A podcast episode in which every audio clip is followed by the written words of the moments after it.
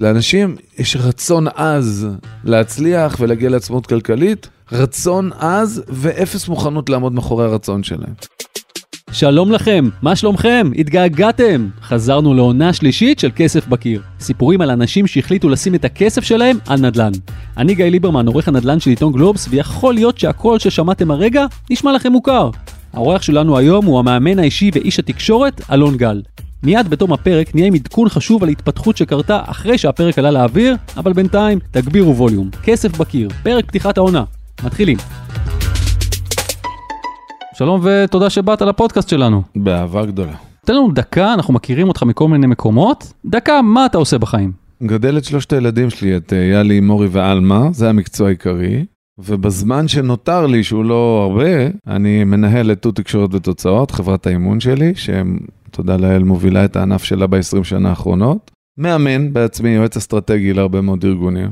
ויש עוד חברות קשורות כולם לליבה העסקית שלנו. תגיד עוד דקה היסטוריה, איך הגעת לזה בכלל?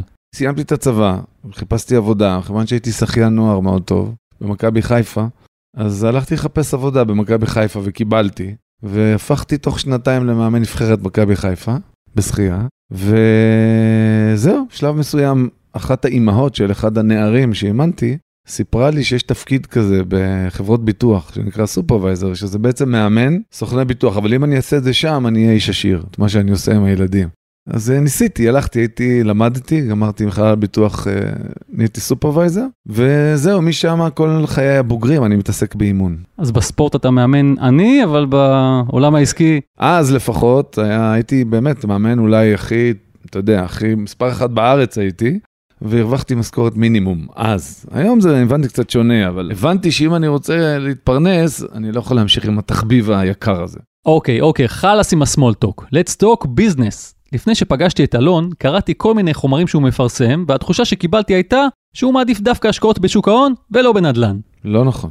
אני מאוד בעד אה, נדל"ן להשקעה, אני פשוט חושב שבכל פעם שהופכים משהו באופן אה, מוחלט, דטרמניסטי, אתה יודע, ככה זה, ונדל"ן להשקעה זה טוב וכל היתר לא, אז עושים טעות. אני חושב שכל אדם וכל משפחה וכל משקיע, יש לו את הפרופיל שלו ואת המבנה שלו ומה הוא רוצה ומתי הוא רוצה. וכמו שאתה לא מטפל ב... לא יודע מה, בכדורים אה, אונקולוגיים למחלות אחרות, אתה צריך לדעת מי האדם, מה הוא צריך. האם אני חושב שזה חלק חשוב מפורטפוליו השקעות של כל אדם, משפחה, איש עסקים? התשובה היא כן. אז תגיד, למי זה מתאים? אתה כבר מכיר לא מעט אנשים, כן. חברות. מתי, באיזה שלב בחיים, לדעתך, זה מתאים? תראה, כשמישהו בא אלינו ואומר, אה, יש לי 70 אלף שקל או 120 אלף שקל, ואני רוצה לקנות דירה להשקעה, אני לא בעד. אני חושב שבמדינת ישראל, רוב הדירות הראויות להשקעה נעות באזור ה-700-800 אלף שקל, נכון שיש בפחות, אבל אתה מסתבך מאוד מאוד עם, עם פרופיל שוכרים ועם הרבה מאוד דברים אחרים. אז הם אומרים, אז אני אקח משכנתה.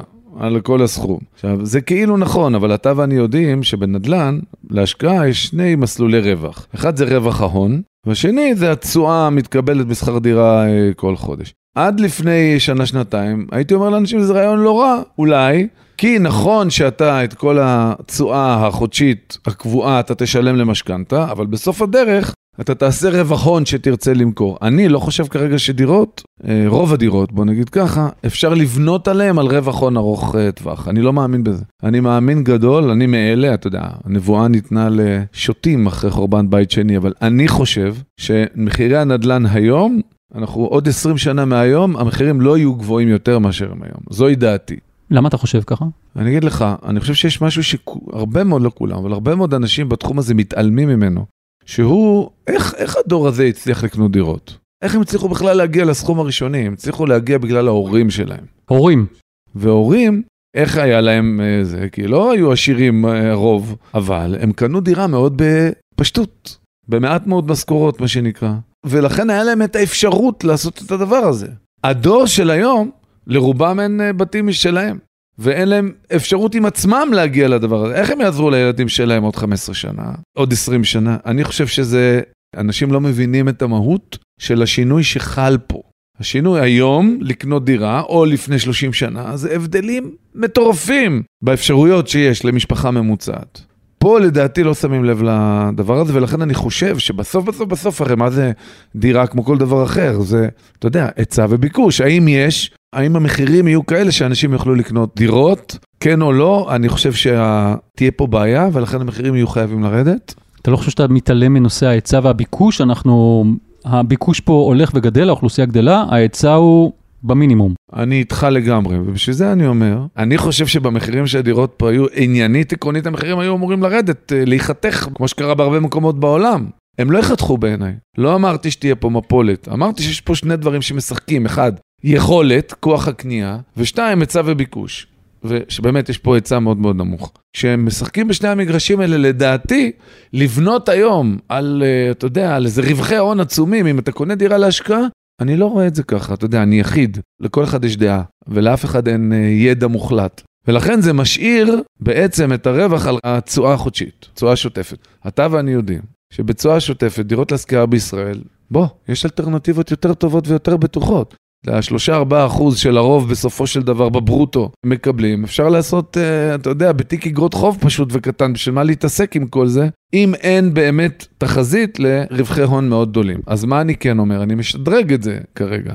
אני כן חושב שהיום מה שצריכים לעשות משקיעים קטנים, זה לא לחכות לקנות מחירי שוק ולחכות לעלייה, אלא לקנות דירות בפחות מחירי שוק. שזה אפשרי. זה רק דורש. רק. כן, זה רק דורש להתמקצע ולחטט רגליים, לעשות עבודה. תמיד אפשר למצוא. אני מצאתי לאורך השנים, תמיד, דירות פחות ממחירי שוק. אתה יודע, עשרה אחים שקיבלו דירה ב-700 אלף שקל, ירושה. זה כל אחד בברוטו 70 אלף שקל. לא מעניין אותם כרגע לחכות אה, לא יודע כמה ולעשות ולהתעסק עם כל האחים. אז אתה קונה כזאת דירה פתאום ב-620 אלף שקל, ובשיפוץ של 30 אלף שקל היא שווה 800. איפה הדירה הזאת? חיפה. מתי קנית? לא קניתי בסוף. למה? העברתי לחבר שהיה צריך יותר ממני. כששאלתי בצחוק אם הוא לקח תיווך, הוא חייך ואז הסביר שהוא דווקא אוהב לעבוד עם מתווכים. אני עובד עם מתווכים בכל הארץ. יש להם מתווכים, וזה הנה טיפ קטן, למתווכים יש דירות שהם לא אוהבים להתעסק איתם. כמו מה? 600-700 אלף שקל, 800 אלף שקל. למה? כי זה לא נותן להם... אה, ברור, ותחשוב שלרוב הם מתחלקים בעמלה, כי הם באחת מהחברות, ואז מה נשאר לו? אז הוא מתעסק עם העמלת מינימום, וגם אם מתחלקת לא כדאי לו. אז אם הוא מקבל כזאת דירה, הוא לא רוצה להשקיע בכסף. אז אני פונה למתווכים, ואומר להם, אתם, מה אתם מתעסקים? ברגע שמגיעה לכם דירה כזאת, אני הראשון, אני פוטר אתכם ממנה. אז uh, זה טיפ טוב. כמה פעמים קנית דירה להשקעה בצורה הזאת? קניתי.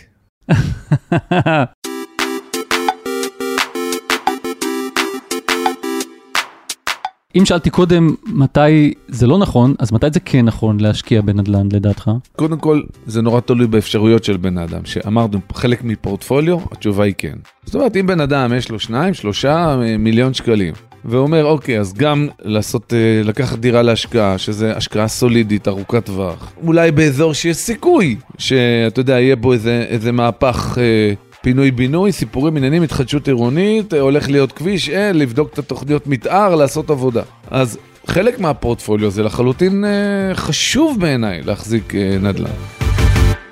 מה לגבי המקום שלי בחיים, המצב שלי כרגע, גיל או מצב משפחתי? ככל שאנשים היום במצב הכלכלי, ככל שאנשים יותר צעירים, ככה הם יותר צריכים להיות משקיעים בנדל"ן. דווקא כשאתה צעיר. דווקא, במצב של היום, מצב של היום. כי הרי מה קורה היום? רוב מוחלט אגב, הסטטיסטיקות לדעתי מדברות 9 מ-10 היום, מהזוגות הצעירים שיקנו דירה למגורים, יקנו אותם בצורה לא נכונה להם.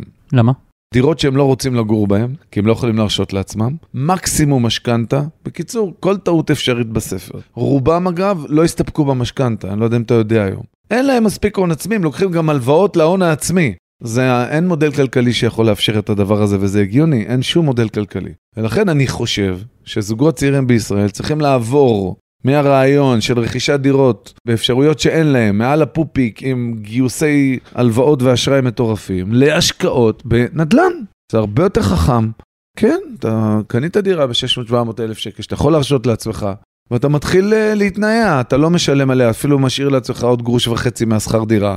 הוא הולך לגור בשכירות, ועושה קנייה נכונה, שאפשר אולי לעשות פליפ בצורה כזו או אחרת מתישהו, ואתה עובד נכון, עולה נכון, זה מדרגות, נדל"ן זה מדרגות, אגב בכל העולם זה מקובל ככה.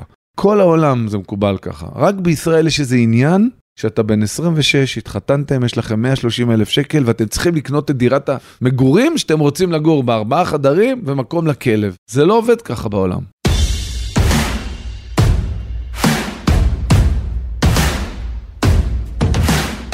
מכיוון שרף הכניסה הוא גבוה, את זה כולנו יודעים, ודירה בישראל עולה במינימום 600-700 אלף שקל, וגם אלון דיבר מקודם על כך שאיכות הסוחרים יכולה להיות בעייתית בסכומים הללו, אז למה לא להשקיע בחו"ל? עשיתי כאלה לא מעט ניסיונות, בחלקם אה, נפלתי, היה לי מזל גדול שאני עוד אה, בהשקעות שלי אני מכרתי בזמן, אבל אה, אנשים הולכים אחריי גם הרבה מאוד פעמים, ולצערי גם אנשים לא קשובים, זה מאוד מאוד קשה. אני בזמנו שעבדתי עם איזה מתווך בארצות הברית, עבדתי, קניתי אצלו דירה, ואז המלצתי עליו בחום כי הוא היה באמת נהדר. אמרתי, הנה שלושה תנאים. כשהוא בא אליי ואמר לי, בוא תקנה דירה, אמרתי, מעולה, אתה מבטיח תשואה, נכון? הוא הבטיח תשואה, 8%, 10%. אמרתי לו, אני צנוע. אומר לי, מה זאת אומרת? אמרתי לו, אני רוצה 7.5%. הוא אומר לי, לא הבנתי. בחיים לא הבעתי למישהו, הבטחתי לו עשרה, הוא אומר לי, כן, אבל אמרתי לו, אתה תיתן לי רק 7.5%, ואני רוצה ערבות בנקאית בארץ על ה-7.5%. ניתן לי. קיבלתי ערבות בנקאית. שתיים, אני לעולם לא מאמין שמישהו אומר לי, אה, יש דירה, היא שווה כך וכך, מה הבעיה היום לבדוק את זה? אז אני עושה בדיקה עצמאית. ומה הכלל השלישי? אמרתי לקנות רק בתים פרטיים, לא חלק מקונדוז, לא כל השטויות האלה, אל תהיה תלוי באף אחד. אז מי שהקשיב לי עשה בוננזה, ו- אבל יש גם אנשים שלא מקשיבים לזה. ואז פתאום הוא אומר, הוא אומר לו, בשביל מה צריך ערבות בנקאית? תקבל עשרה אחוז. אז בן אדם אומר, מה, עוד שניים וחצי אחוז, מתאים לי, אז אין לו ערבות בנקאית. ואומר לו, יש פה הזדמנות יותר טובה, בקונדו בזול, בגרושים, ופתאום הוא חלק מבנדל של דירות. וכשהוא נופל, או שהוא לא מצליח לעמוד בהתחייבויות שלו, אז אני מאוד בעד השקעות של אה, נדל"ן בחו"ל. אני פשוט חושב שלאדם הסביר הממוצע, מניסיוני, הוא מוותר לעצמו במה שצריך באמת לבדוק כדי שאתה תעשה השקעה בטוחה. ואז, אתה יודע, הוא פה, זה ב... לא יודע איפה, ויש בעיה והוא לא יודע לטפל בה. וההשקעה הופכת להיות כבר לא כזאת אה, אטרקטיבית. זאת בעיה מאוד מאוד גדולה. תגיד שאתה קנית את הנכס בארצות הברית, נסעת לשם לראות את זה בעיניים או ש... שום דבר, אמרתי, אני רוצה, לא צריך. הוצאתי לשם אה, שמאי פרטי, 200 דולר, קיבלתי שמאות אמיתית על הבית, קניתי אותו במחירי שוק, קיבלתי ערבות בנקאית לארבע שנים על 7.5 אחוז. איפה אני אעשה כזה דבר? איפה יש כזה דבר? וכמובן, בית פרטי שבדקתי וראיתי ונקי, אז אתה יודע, נורא קל, נגיד בארצות הברית, לדעת את העבר וזה נורא קל. כן, שם יש להם אתרים מתקדמים, זילו וכאלה. אבל גם הטאבו שם, שאתה מקבל את הדוח, פי מיליון יותר מפורט ו... הנכס עדיין אצלך או שכבר מכרת? לא, מכרתי, עשיתי רווח מאוד מאוד יפה.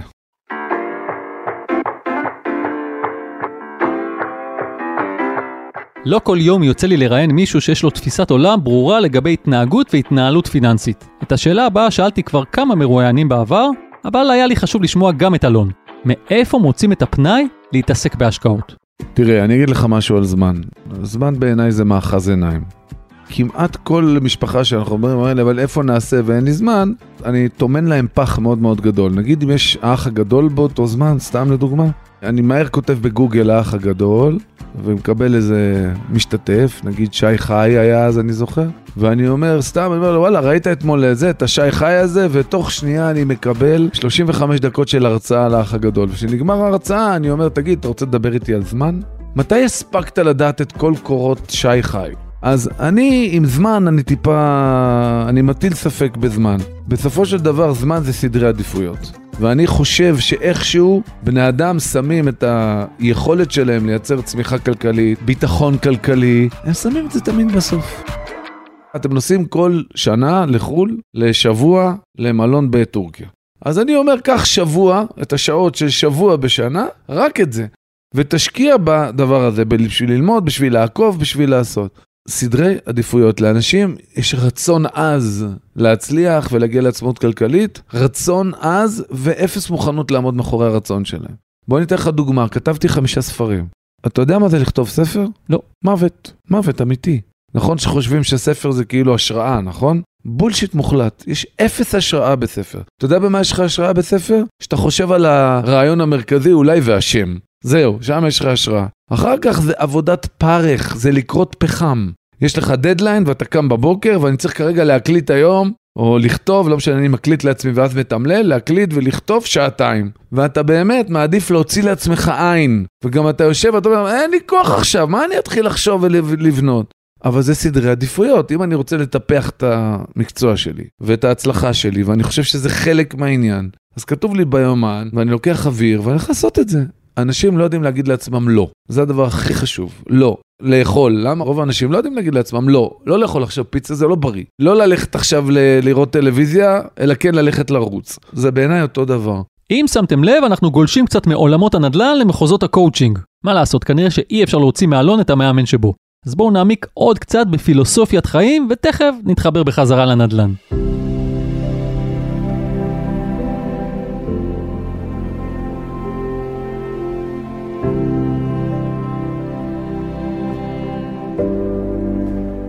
תיכוניסט אומר לו, תראה, נכון שכרגע הכי בא לך אה, לשחק משחק אה, מחשב ולא בא לך ללמוד את השיעור במדעי המחשב. כמו שאתה אומר לילד, ליאלי שלי, אחרי זה בצבא, ואחרי זה שתהיה יותר גדול ולהיות הייטקיסט. נראה לך שהוא מבין מה אני רוצה ממנו? הוא לא מבין. קשה לנו לראות הצלחות עתידיות או ליהנות מהן. ולכן אני, התרגיל שאני עושה עם עצמי שמאוד עובד לי, אני מקרב הצלחות, אני מייבא הצלחות מהעתיד. מייבא אותם.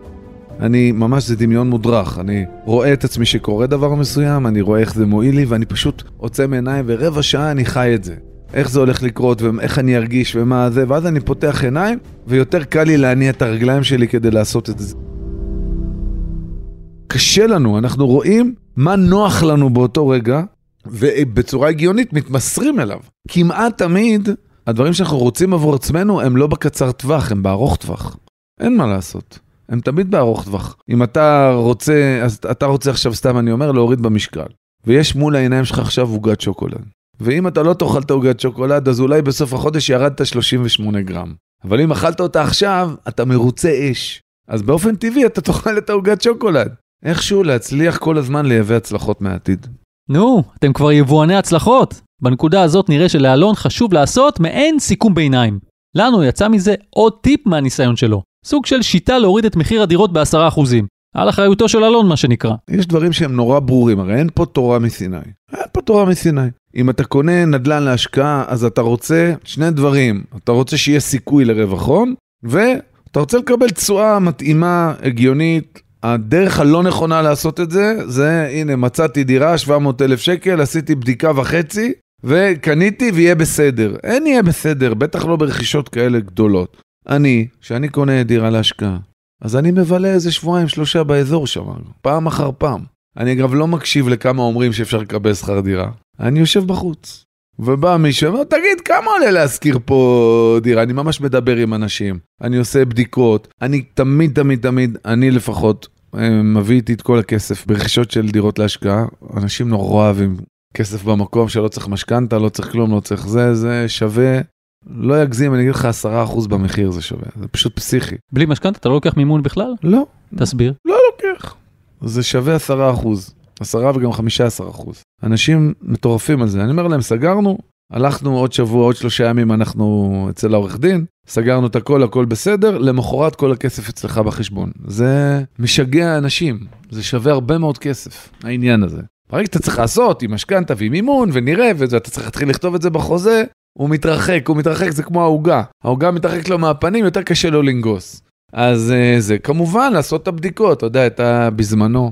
אני אומר, נורא קל להיכנס לאינטרנט, היום יש לך את כל המידע, זה לא כמו פעם. ולראות תוכניות מתאר עתידיות, זה לא מסובך היום. לא מסובך, אני את הבית שלי בזיכרון, ככה קניתי. נכון שנדלקתי בחופשה על בית אה, עתיק ונורא יפה שזה, אבל הלכתי לעשות שיעורי בית וגיליתי שכביש 6 הולך לצאת לי על זיכרון. אז זה היה שלוש שנים לפני, ארבע שנים לפני. אגב, שנה וחצי, שנתיים אחרי זה המחירים קפצו. כי כבר התחילו לשים, עכשיו זה יעלה המחיר. אבל זה כבר מאוחר מדי. מאוחר מדי, למה חיכית שיחפרו? הרי שנתיים לפני כן יש תוכניות מאושרות, ברור. התוואי של כביש 6 כבר היה ברור אז הנה, אנחנו פה במשרד שלך בפתח תקווה, ממש לא רחוק מפה יש את התוואי של הרכבת הקלה, התוואי של הקו הראשון. אמת, כך הגעתי לפה. זה משרדים להשקעה שפשוט אני דר בהם. אבל uh, זה היה רעיון. אנשים לא עושים את המחקר הזה, שהוא מחקר פשוט. הם ממהרים עם הדבר הזה, אין להם כוח. מישהו אומר להם, מה שנקרא. אני כבר לא מדבר על זה שבטח ובטח, ל, אתה יודע, לעבוד כמו שצריך ולדעת שאתה עובד עם עורך דין שיודע מה שהוא עושה ולבדוק את הדברים ולראות ולא לח, לחטוף לאחר מכן. אני מתייעץ עם uh, מתווכים, יש לי רשת מתווכים בכל הארץ. אז השורה התחתונה בעצם שמה שאתה אומר זה אין קיצורי דרך. אין קיצורי דרך. בשביל זה אני אומר, אתה יודע, דווקא נגיד בשוק ההון יש קיצורי דרך. אני אומר לך, יש לך חיבה לשוק ההון, אני מזהה את זה. מאוד. הנה, בסוף הוצאתי ממנו את החיבה דווקא לשוק ההון. אבל עכשיו, אלון היה זה שהתקיל אותי. בוא נשאל אותך שאלה. כמה אנשים באמת שאתה מכיר, תבדוק אותי, באמת הפסידו כסף בבורסה? שאתה מכיר, פיזית הפסידו. עד לקורונה לא מכיר הרבה, עכשיו בזמן הקורונה... עזוב את הקורונה, זה לא מעניין. כי אין, אין זמן, הרי השקעה ב, כמו בנדל"ן, כמו בכל דבר, היא ארוכת טווח. עזוב את הקורונה בצד. לא הרבה. תאמין לי שאתה לא מכיר. אז מאיפה כולם אומרים, אה, הבורסה זה רולטה וזה, איך הם אומרים? הימורים. כי היה פעם דוד שלו, שלא ידע איך להשקיע, אפרופו כמו בנדל"ן, מישהו אמר לו שמישהו אמר לו שמישהו אמר לי שיש איזה חברה בכלל במניות היתר, שהיא חיפושי נפט ולא יודע מה, והוא קנה והפסיד את הכסף. תסתכל על התוצאות. בהשקעות הכי לא חכמות, קרנות השתלמות, תסתכל. בעשור האחרון, תראה את הממוצעים, בין 7 ל-10 אחוזים בכל הקופות.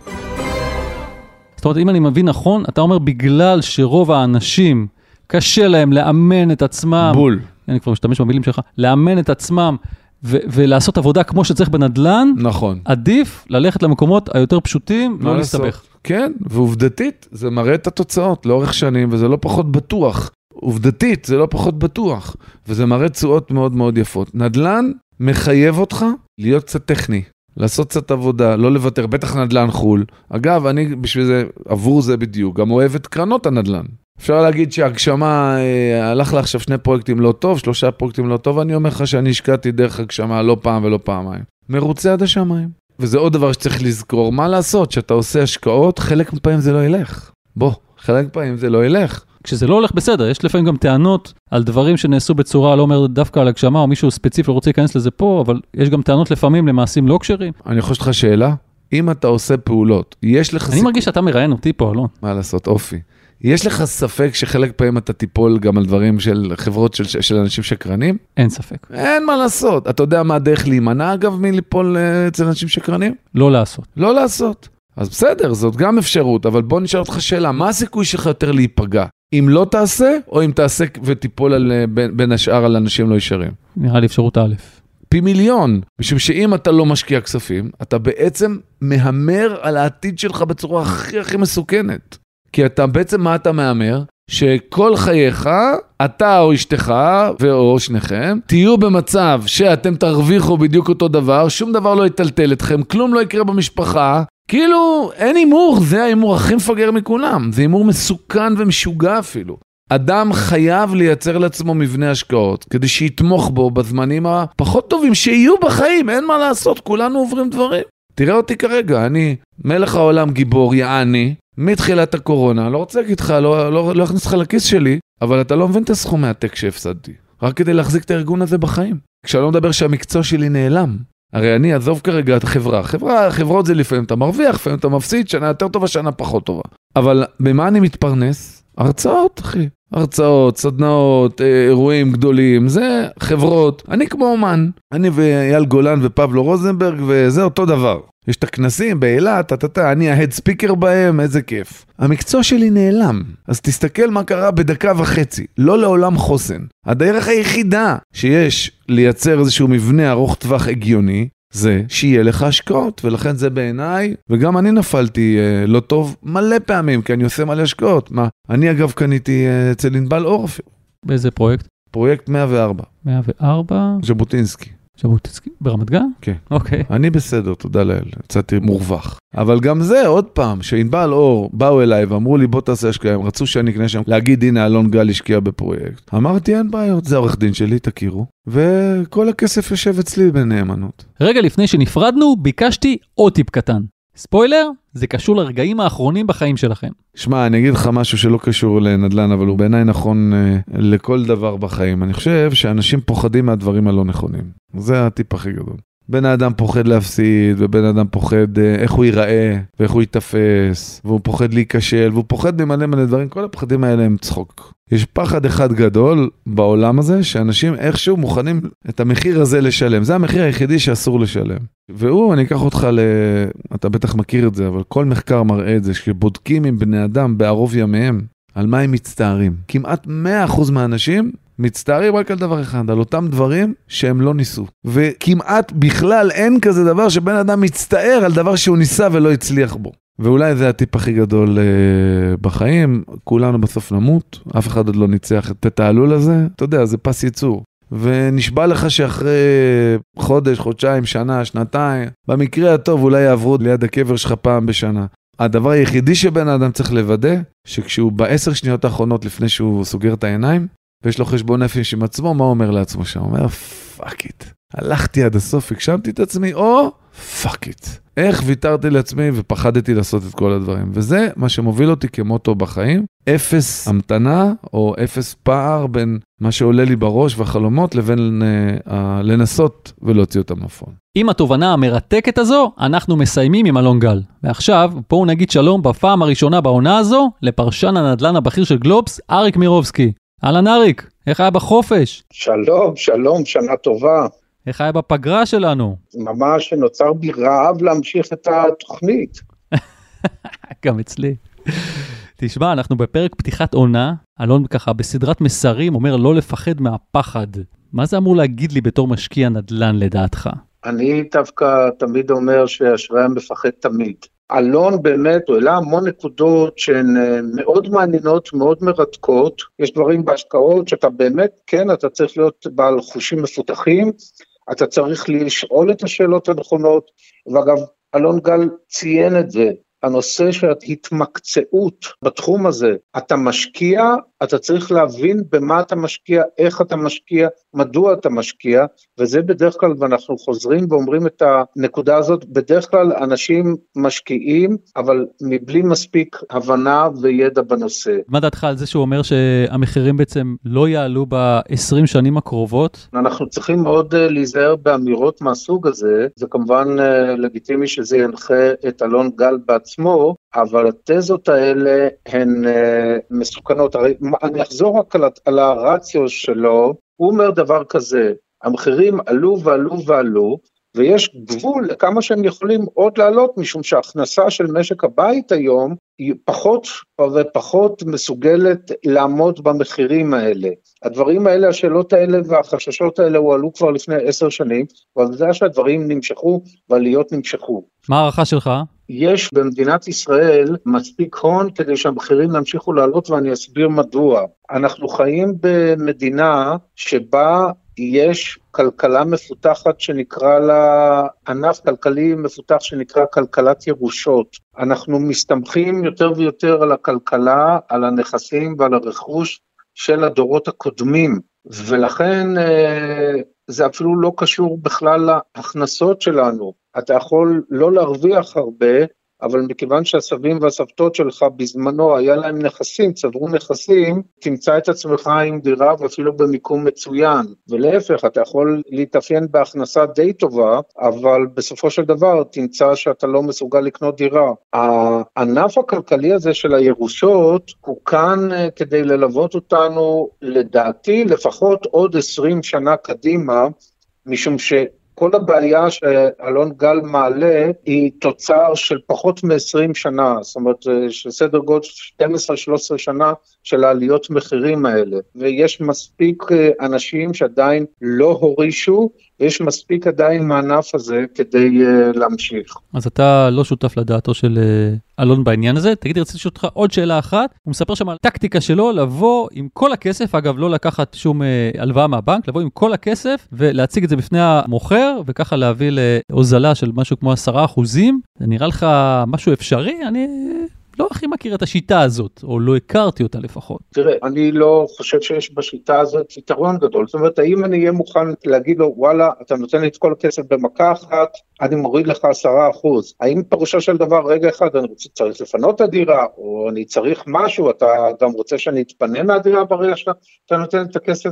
הדברים ממש לא ברורים, ואני לא בטוח שכולם היו מוכנים אה, לתת הנחות אה, יותר מדי גדולות על הדבר הזה. זאת אומרת, אני לא רואה בזה משהו שהוא עד כדי כך יכול לפתות אה, מוכרים להוריד בצורה משמעותית את המחירים. אני כן רואה בעיה בצורה השוטפת שלך כרוכש דירה, כי הרי חלק מהנושא הוא ליהנות מצורה שוטפת על שכירות שהיא גבוהה יותר בשיעורים שלה מאשר התשואה שאתה מקבל על המשכנתה, והרי המשכנתאות היום אנחנו יודעים, הן בשפל. אלון גם מעלה את השאלה האם צריך לקחת את כל הכסף ממלווים, מבנקים וכדומה, או שאני צריך לא לקחת גרוש משם. זה גם עניין שהוא מאוד חשוב, שיקול שצריך לקחת אותו בחשבון. אבל לקחת את כל ההון, את ההון הזה אתה יכולת אולי להשקיע באפיקים אחרים, שהם היו נותנים לך קצת יותר מאשר אפס, אם אתה נותן את הכל לבעל הדירה.